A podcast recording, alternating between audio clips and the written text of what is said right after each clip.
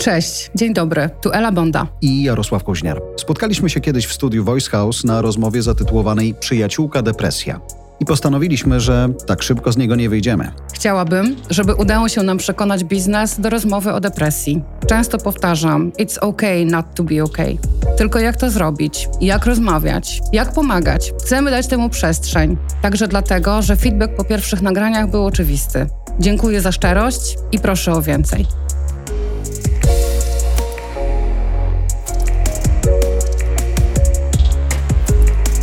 Weszłaś do świata audio ze swoją historią, czy raczej przez swoją historię. Dobrze ci tu? Dobrze. Nie masz takiego poczucia, że jednak to cię też trochę kosztowało? Te wszystkie podziękowania cieszą, wszystkie wiadomości, zajęcia się sobą, co było powiedzmy podyktowane, nie wiem, wysłuchaniem jednego czy drugiego odcinka podcastu. To, to jest na pewno ogromny benefit i ogromny plus i wielka satysfakcja, po prostu radość, mimo tego, że temat pewnie nie jest za wesoły.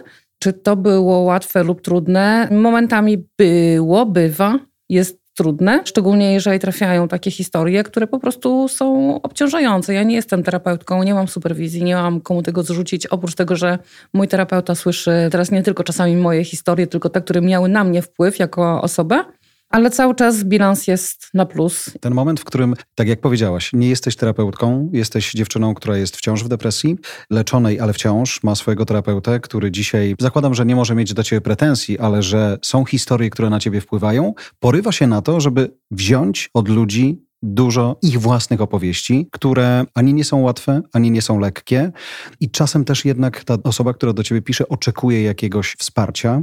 Stąd myślałem sobie, robiąc bilans tej audycji, że to musiał być jednak dodatkowy kilogram, jak nie dwa. Na pewno był. Natomiast ja staram się i asertywnie, ale jednocześnie myślę, że z troski o te osoby, które piszą, dawać im na samym początku znać, że ja osobiście nie będę w stanie im pomóc w żaden sposób. Ja jestem po prostu jedną z nich.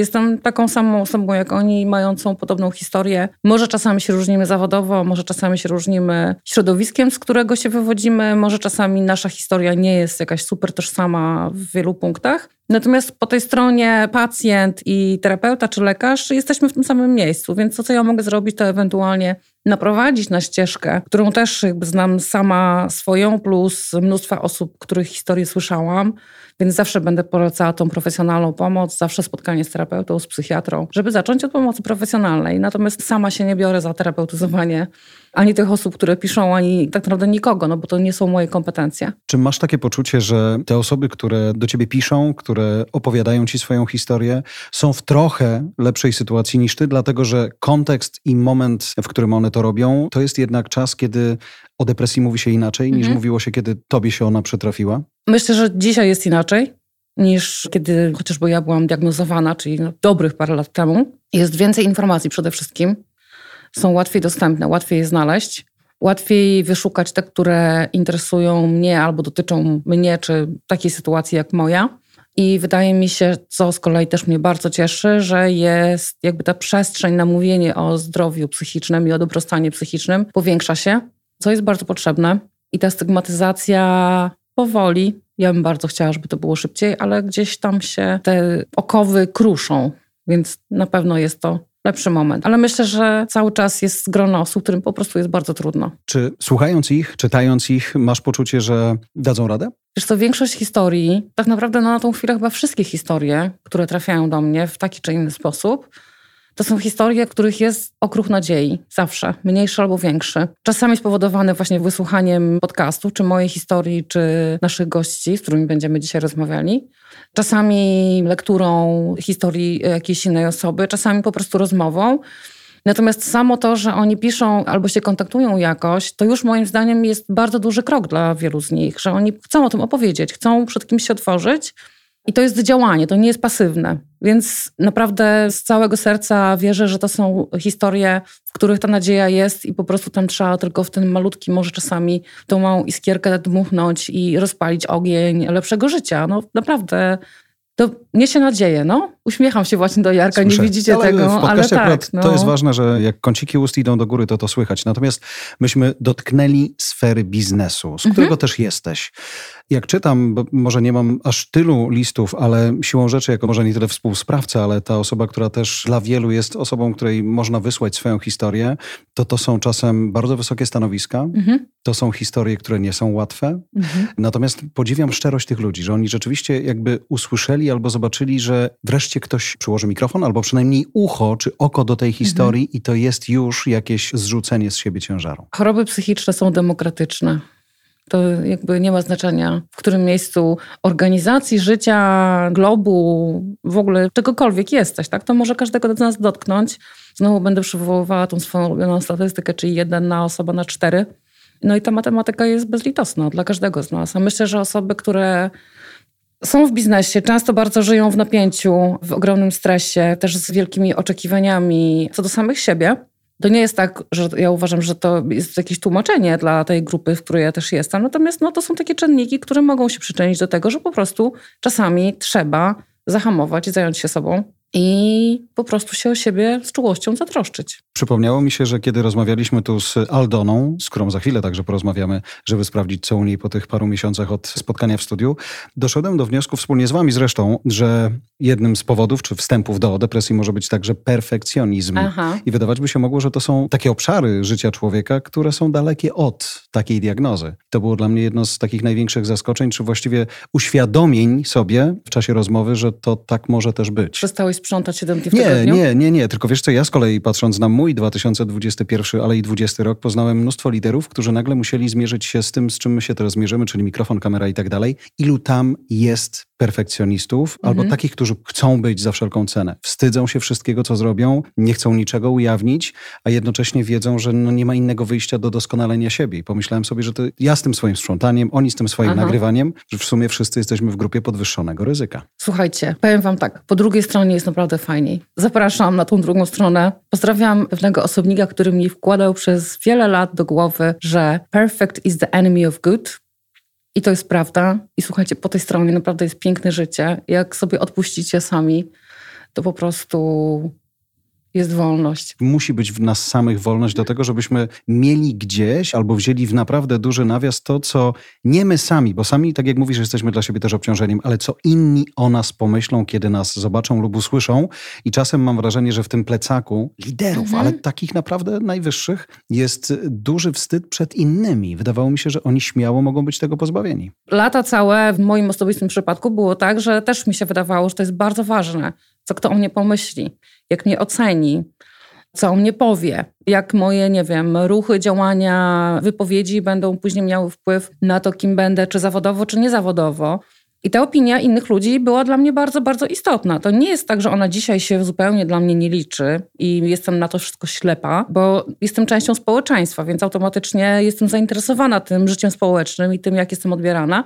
Natomiast naprawdę oceny innych dzisiaj zupełnie nie mają dla mnie takiego znaczenia jak kiedyś. Ja nie robię, nie, nie boję się powiedzieć nie wiem, nie boję się powiedzieć nie, nie boję się powiedzieć, że nie mam czasu, nie boję czegoś spieprzyć. Po prostu jestem człowiekiem i wydaje mi się, że to jakby pozwolenie sobie samej na niedoskonałość dla mnie było największym, największą nagrodą w ogóle w leczeniu mojej choroby. To jest po prostu niesamowite. Jakby i rozmawianie z osobami, które tą drogę przeszły i są już właśnie w tym miejscu, gdzie doskonałość nie ma znaczenia, i nić porozumienia, która jest między nami, że tak, wiem o czym mówisz i też tu już jestem. I to było takie niedobre, takie ciężkie, jest niesamowita. Bo zasadę w tym naszym dzisiejszym spotkaniu mamy taką, że najpierw chcemy cofnąć się w czasie, dać wam chwilę na spotkanie w tym naszym studiu z naszymi bohaterami, a potem sprawdzić telefonicznie, co u nich dzisiaj się dzieje. Czy jest gorzej, czy jest lepiej, czy się czują swobodniejsi, wolniejsi, zdrowsi. O tym dzisiaj będziemy rozmawiali. Aldona była naszym pierwszym gościem pomimo tego, że ja miałam cudowną terapeutkę i byłam cały czas pod opieką psychiatry, miałam świetnie dobrane leki i zaczynałam się czuć dobrze, przyszedł taki moment i znowu nie wiem dlaczego i nie wiem skąd. Przyszedł taki moment do osoby, która jest naprawdę bardzo racjonalna, ma bardzo analityczny umysł, że stałam w łazience, szukałam ostrego narzędzia myślałam tylko o tym, żeby sobie zrobić krzywdę. Tylko i wyłącznie o tym. To było tak silne, że ja nie umiem sobie tego wytłumaczyć, nie umiem nikomu tego wytłumaczyć. Uratowało mnie tylko to, że słyszałam głos mojego syna z, dobiegający z domu. No i właściwie to on ratuje mnie cały czas, to on ratuje mi to życie, bo on jest moją motywacją.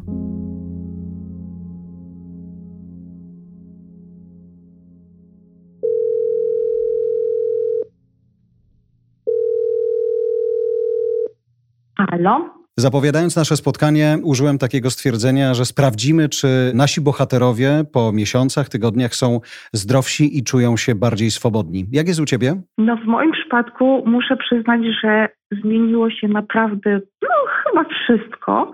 I to nie będzie powiedziane z takim przekąsem. Czuję się zdecydowanie silniejsza, bardziej odważna i widzę to zarówno w życiu prywatnym, jak i w tej sferze zawodowej. Muszę się tutaj pochwalić czymś i mam nadzieję, że to będzie historia ku pokrzepieniu serc osób, które też zmagają się z tą chorobą, bo w trakcie nagrania mówiłam Wam o tym, że staram się o awans na stanowisko kierownicze i w tym czasie też była emisja naszego programu. Oczywiście pochwaliłam się tym w pracy, poinformowałam swoich kolegów, swojego przyszłego przełożonego. I bardzo się cieszę, że to właściwie nie miało absolutnie żadnego wpływu na ten proces rekrutacyjny, bo byłam oceniana na podstawie swoich kompetencji, na podstawie tego, co już zrobiłam. Miałam taki okres próbny też, kiedy mogłam się wykazać właśnie, więc mam nadzieję, że to będzie taka historia, która pokaże ludziom, że pomimo ujawnienia się z pracy ze swoją chorobą, można dalej funkcjonować, można podejmować nowe wyzwania, więc czuję się świetnie, odpowiadając przydługo na to Twoje krótkie pytanie. Czyli awans w kieszeni, jednym słowem. Tak jest. Super. Wielkie, wielkie, wielkie gratulacje. Ja się bardzo cieszę z tego, że e, zawodowo się układa i prywatnie chyba też dobre zmiany. Chociaż dobre zmiana to nie jest najlepsze słowo, ale. tak, prywatnie duże zmiany, trudne zmiany. Na ten moment dzieje się tak dużo, że chyba jeszcze nie chcę o tym mhm. rozmawiać. Natomiast wiem, że to wszystko idzie w bardzo dobrą stronę i to też widzą moi bliscy, że jestem coraz silniejsza, coraz bardziej odważna i mam w sobie mnóstwo energii i spokoju. Dobrze to słyszeć. To, co jest ważne właśnie, nie da się oszukać dźwięku, więc choćbyś nie wiem, jak bardzo starała się zagrać uśmiech, którego teoretycznie mogłoby nie być, słychać, że to jest bardzo naturalne i bardzo szczere. I bardzo Ci za to dziękuję, ale mam jedno pytanie, bo rozmawialiśmy sobie z Elą, zapowiadając ten podsumowujący odcinek. Na ile dla niej to, że powiedziała swoją historię, to, że ludzie odkryli w niej bratnią duszę, do której zaczęli pisać, na ile u Ciebie było podobnie? To znaczy ktoś powiedział, bo mówili, Dzięki za odwagę, a potem zaczęli zostawiać ci na stole swoje historie. Na ile umiesz to zostawić obok, na ile to też cię dotyka? Wiesz to w moim przypadku historiami swoimi podzieliły się osoby dosyć mi bliskie, znajome, które powiedziały, jak to u nich wyglądało. I kiedyś, kiedyś miałam ten problem, że myliłam empatię z współodczuwaniem właściwie i za bardzo wchodziłam w tę historię. Natomiast im dłużej pracuję nad sobą, tym bardziej też rozumiem, czym jest ta empatia. I tutaj nie ukrywam, że właśnie pomogła mi też terapia, żeby nie przyjmować na siebie ciężaru tych przeżyć, tych historii, być z daną osobą, wspierać ją, ale nie nakładać tego na siebie. Więc myślę, że tutaj najwięcej też było takiej pracy z terapeutą, bo cały czas przecież nad tym pracuję. Pamiętam, że wracał ten wątek w naszej rozmowie, na ile to jest rzecz czasami do skończenia, a na ile to jest coś, co będzie trwało nawet nie wiadomo jak długo. Tak jak mówisz, wciąż jesteś w terapii i w niej będziesz. Ona dzisiaj przybiera zupełnie inny charakter niż na samym początku. Jeśli mogę zapytać nawet bardziej wprost, do czego ci dzisiaj jest potrzebna terapia? W tym momencie jest zupełnie inna terapia niż kiedyś. W tym momencie bardziej skupiam się już na pójściu krok dalej, na swoim rozwoju nawet, niż nad pracą bezpośrednio z chorobą. Cały czas są takie elementy, gdzie terapeutka zwraca mi uwagę, uważaj, bo tu jest taki element, gdzie może się zapalić jakaś lampka, uważaj, bo tu może być właśnie coś, gdzie się zagalopujesz. Natomiast nie poświęcamy już całego czasu na pracę bezpośrednio z depresją, ale bardziej z takim moim rozwojem wewnętrznym i osobistym.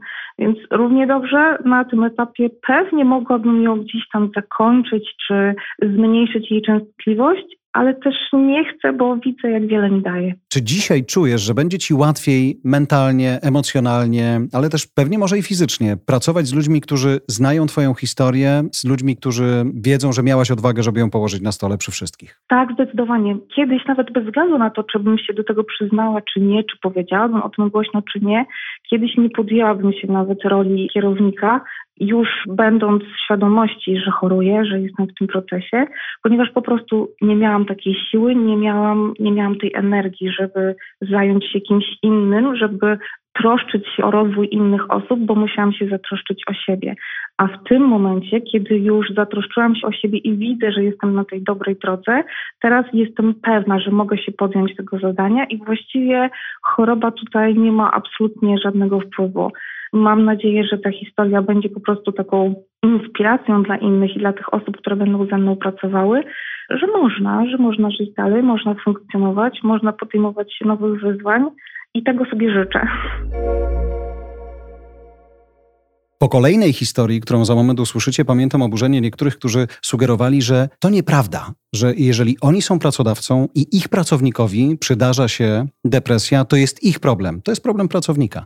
Ale w finale, myślę, jak posłuchaliście tej audycji i im dalej było w rozmowę, tym więcej argumentów przemawiało do tych, którzy mówili, no tak, w sumie to ja jako pracodawca mam bardzo dużo narzędzi, żeby naprawić. Mhm. Tak, i Asia nam to fantastycznie wytłumaczyła. Pokazała też na praktycznych przykładach, za co jestem jej bardzo, bardzo wdzięczna. Myślę, że z perspektywy właśnie osoby, która ma doświadczenie i HR-owe, jak też terapeutyczne, potrafiła nam super to wytłumaczyć. Ja jestem osobą, która ma taką nawracającą depresję i w tej chwili jestem w trakcie leczenia. No i właśnie funkcjonuję tak, jak funkcjonuję, między innymi dlatego, że jestem na lekach i, jakby polecam. polecam A, ja naprawdę. Polecam, polecam i, i, terapię, i polecam i leki. Ja nawet dzisiaj na treningu o 7.30 myślałam sobie o tej naszej rozmowie i myślałam sobie właśnie, że jak pół roku temu byłam w bardzo kiepskim stanie i ten trening był po prostu niemożliwy. I dzisiaj oczywiście on mi pomaga dodatkowo wychodzić z choroby, ale jednak początek tego wychodzenia musiał być w gabinecie psychoterapeuty, który zresztą odesłał mnie do psychiatry po leki. Swoją drogą jestem ciekaw, może o to Asię za chwilę zapytamy, czy z perspektywy czasu już 2020-2021 więcej pracodawców rozumie, że tak naprawdę to oni mogą być pierwszą deską ratunku czasem?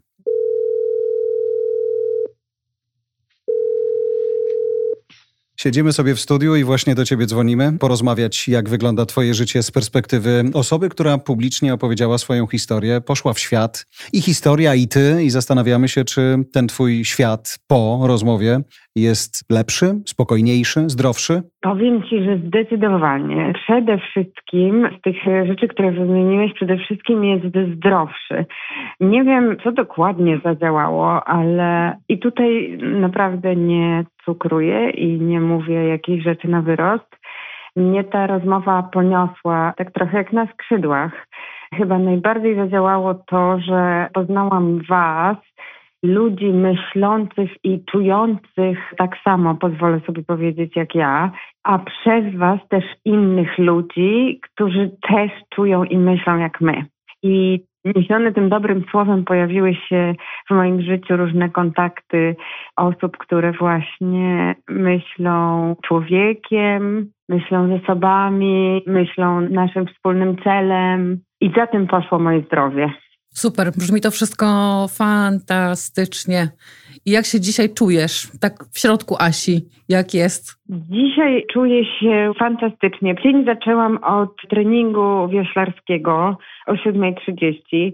Potem jak zaczęłam pracować, to skończyłam pół godziny temu, a jestem pełna energii i pełna sił na to, że jeszcze idę dzisiaj z córką do teatru.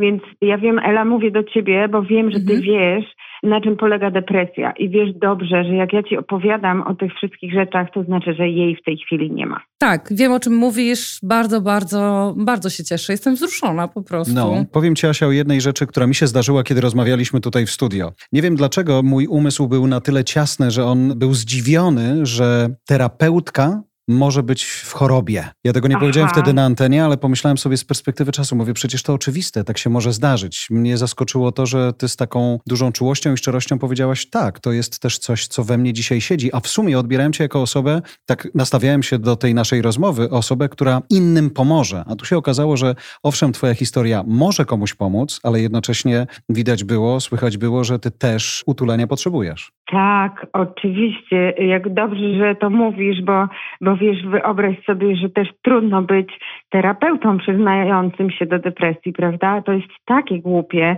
I tak jak Ela, Ela, słyszę, że już, że mnie ganisz tutaj, że no niczego się nie przyzna, przyznajemy, że przyznawać to się można do grzechów, a my tutaj po prostu mówimy o depresji. Pamiętam, jak mnie zganiłaś za to, że tak powiedziałam. W każdym razie rzeczywiście jest trudno mówić, jak ty z definicji powinnaś być tak? Właśnie zdrowa, silna, nie wiem, szczęśliwa, a to przecież jest prawdziwe życie i akurat u was się można spokojnie być szczerym. Też jeden z wątków, który pojawił się po naszej rozmowie, to takie lekkie wzdrygnięcie się niektórych, takie oburzenie, że jako pracodawca nie mogę brać na siebie odpowiedzialności za chorobę mojego pracownika i nie możecie mi tego sugerować. Dzisiaj masz poczucie, że ta świadomość jest inna? Po naszej rozmowie, chyba też na kontrze tego, jaka ona była optymistyczna, spotkałam się rzeczywiście z nowymi klientami, czy niedoszłymi klientami, którzy zdecydowanie prezentują właśnie ten pogląd, który teraz powiedziałeś. Więc potem się wiele razy zastanawiałam, że może ja takie za optymistyczne tę wizję przedstawiłam. Wiadomo, że u nas na rynku jest jeszcze też bardzo dużo tego kapitalizmu takiego rysowanego latami dziewięćdziesiątymi, gdzie pracodawca no nie chce słuchać o ludzkim aspekcie i myśli Excelem. Chyba po prostu musimy powtarzać do znudzenia, że ludzie to biznes, a biznes to ludzie. Szczęśliwie jako hości jesteśmy w parytecie. Jest i dama, i mężczyzna. Natomiast patrząc po historiach naszych bohaterów, facetów było bardzo mało. Piotrek był właściwie na razie jedyny. Piotr rzeczywiście był pierwszym mężczyzną, który przyszedł do nas i Piotr był też tą pierwszą osobą, która opowiedziała nam historię nie do końca cukrowo-różową i ze wsparciem w tle, tylko zupełnie przeciwnym biegunem. Właśnie, bo to się przez ciebie zaczęło. W tym sensie, że opowiadałaś historię twojej firmy, w której opieka była duża. Aldona opowiadała historię swojej firmy, Allegro, gdzie też opieka była duża. Nagle przychodzi Piotrek i mówi, słuchajcie, rozmawiacie o depresji, to ja też w nią wpadłem przez pracę, natomiast tam nikt nie powiedział, weź moją rękę i chodź za mną. To prawda. I to nie jest tak, że takich historii nie spływa więcej i że to była jedyna historia. Natomiast Piotrek był pierwszą osobą, która miała odwagę przyjść i o tym opowiedzieć. Przychodził poniedziałek, ja po prostu nie byłem w stanie funkcjonować, bo wiedziałem, że o tej godzinie X mam review z człowiekiem, który jest moim prześladowcą, który będzie mi pytał o wszystko. Nawet jeśli ja odpowiem, że zielone jest zielone, to on mi powie, nie, stary, to zielone nie jest wcale zielone. Ono jest zupełnie inne zielone niż tobie się wydaje. I to jest ten moment, kiedy jakby zaczynasz rozumieć, że to jest powtarzalne. To jest proces, który cię zaczyna niszczyć, który powoduje, że ten stres zaczyna się pogłębiać, pogłębiać i on przechodzi do takiego stopnia, że w pewnym momencie stajesz się po prostu, znaczy popadasz w depresję, nie? Bo nie jesteś w stanie się bronić. Krzyczysz, wszyscy siedzą, słuchają cię dookoła, ale nikt się nie raczy odezwać, bo wszyscy wiedzą, że jak się odezwą, to ten człowiek skieruje ten cały strach. Piotr, pierwszy facet, który zdecydował się przyjść do naszego studia, do naszej audycji i opowiedzieć swoją historię. Jak to wygląda po paru tygodniach od tego momentu? Dzwonimy do Piotra.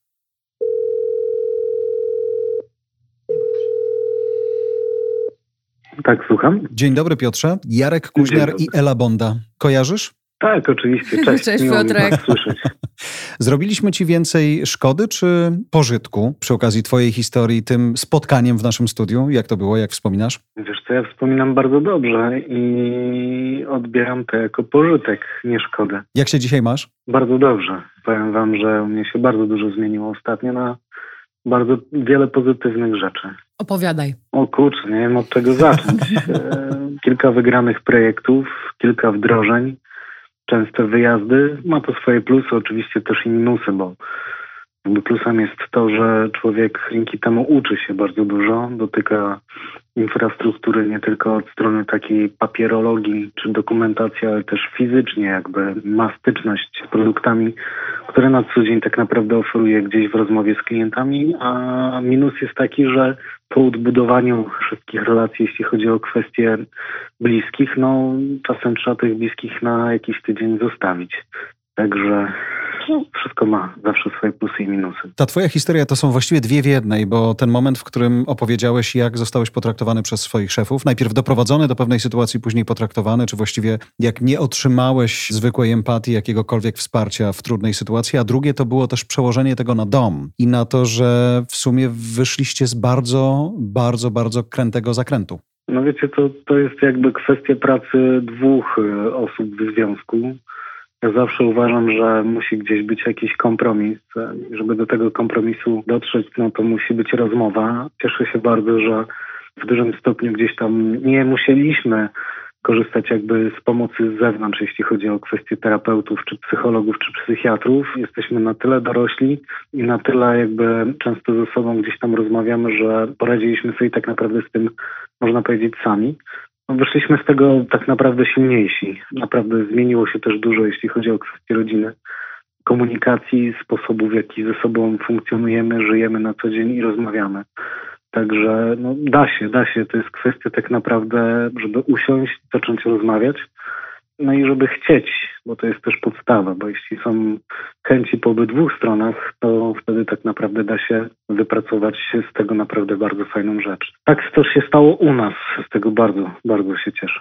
Dwie rzeczy były ważne dla nas w historii w ogóle audycji. To to, że byłeś pierwszym mężczyzną, który się zdecydował o tym mówić, ale druga rzecz to jest to, że pokazałeś też historię firmy, w której nie było tak czule jak w innych. Nie przyszła pomoc, tylko wręcz przeciwnie. Co dzisiaj, z perspektywy też swojego doświadczenia, wypowiedzenia tej historii głośno, ale też momentu, w którym jesteś biznesowo, opowiadałeś na samym początku, że dzieje się naprawdę dużo dobrego, co byś radził, podpowiadał pracownikom i pracodawcom w kontekście choroby psychicznej, i w kontekście też tego, jak ułożyć emocjonalnie relacje w firmie, żeby tego bólu i poobijania było jak najmniej? Znaczy, generalnie pracodawcom polecam, żeby zaczęli słuchać, żeby zaczęli przyglądać się i żeby na chwileczkę odstawili kij i marchewkę, bo nie zawsze to jest najważniejsze w organizacji. Gdzieś ostatnio miałem przyjemność słuchać na GZ takiego podcastu czy spotkania psycholożkami, które opowiadały, jaki jest procent wzrostu w momencie, kiedy jest dobra i pozytywna atmosfera, jeśli chodzi o kwestię funkcjonowania w organizacji, więc jakby pierwszy taki jakby element no, zalecam zatrzymać się, popatrzeć, rozejrzeć się dookoła, posłuchać tego, co mówią pracownicy, tego, co mówią menadżerowie, nie wiem, wyższego, niższego szczebla, wyciągnąć wnioski. Jeśli nie ma w organizacji osoby, która mogłaby wesprzeć jakby management zarządzający czy zarząd, tak, no to zatrudnić taką osobę.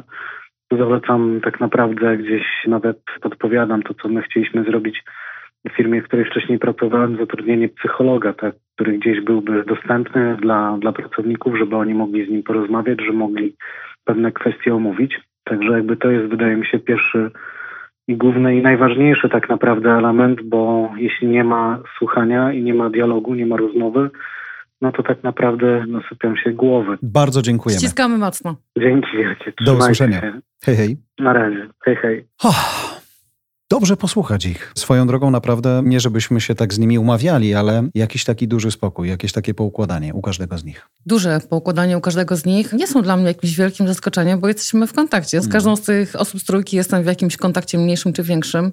Miałam przywilej i możliwość cieszyć się z dobrych zmian, naprawdę dobrych zmian w przypadku każdej z tej trójki. I to buduje. Chyba ciebie też, nie? Bo pamiętam, że Ela mówiłaś, i wiem, że tak się mówi, ale to brzmiało bardzo, bardzo wiarygodnie. Jedna wsparta osoba każdą minutą spędzoną w studio to jest dla mnie wygrana. Tak. Dzisiaj okazuje się, że i minut spędziliśmy więcej, i osób, które mają się lepiej, jest więcej. Tak, tak, tak, tak. To myślę, że ten 2022, ja myślę o nim jako o roku, który niesie nadzieję na bardzo, bardzo różnych poziomach. I dla mnie samej, i myślę, że i dla świata, już tak totalnie górnolotnie mhm. mówiąc i tutaj sobie filozofując trochę, bardzo chcę w to wierzyć. Natomiast te historie, które wcześniej słyszeliśmy w dedykowanych odcinkach i te podsumowania dzisiaj, super było móc i z Aldoną, i z Piotrem, i z Asią porozmawiać, dowiedzieć się co u nich i też mieć możliwość podzielenia się szerzej z tym, jak dobrze się dzisiaj mają. Niech to będzie tak naprawdę tą nadzieją dla innych osób, które nas słuchają, na to, że po prostu może być lepiej. Czasami trzeba dużo, czasami trzeba mniej, czasami trzeba znaleźć dobrą pomoc, czasami znaleźć bliskich wokół siebie, którzy przytulą i wirtualnie, i mentalnie, i prawdziwie, ale nadzieja jest.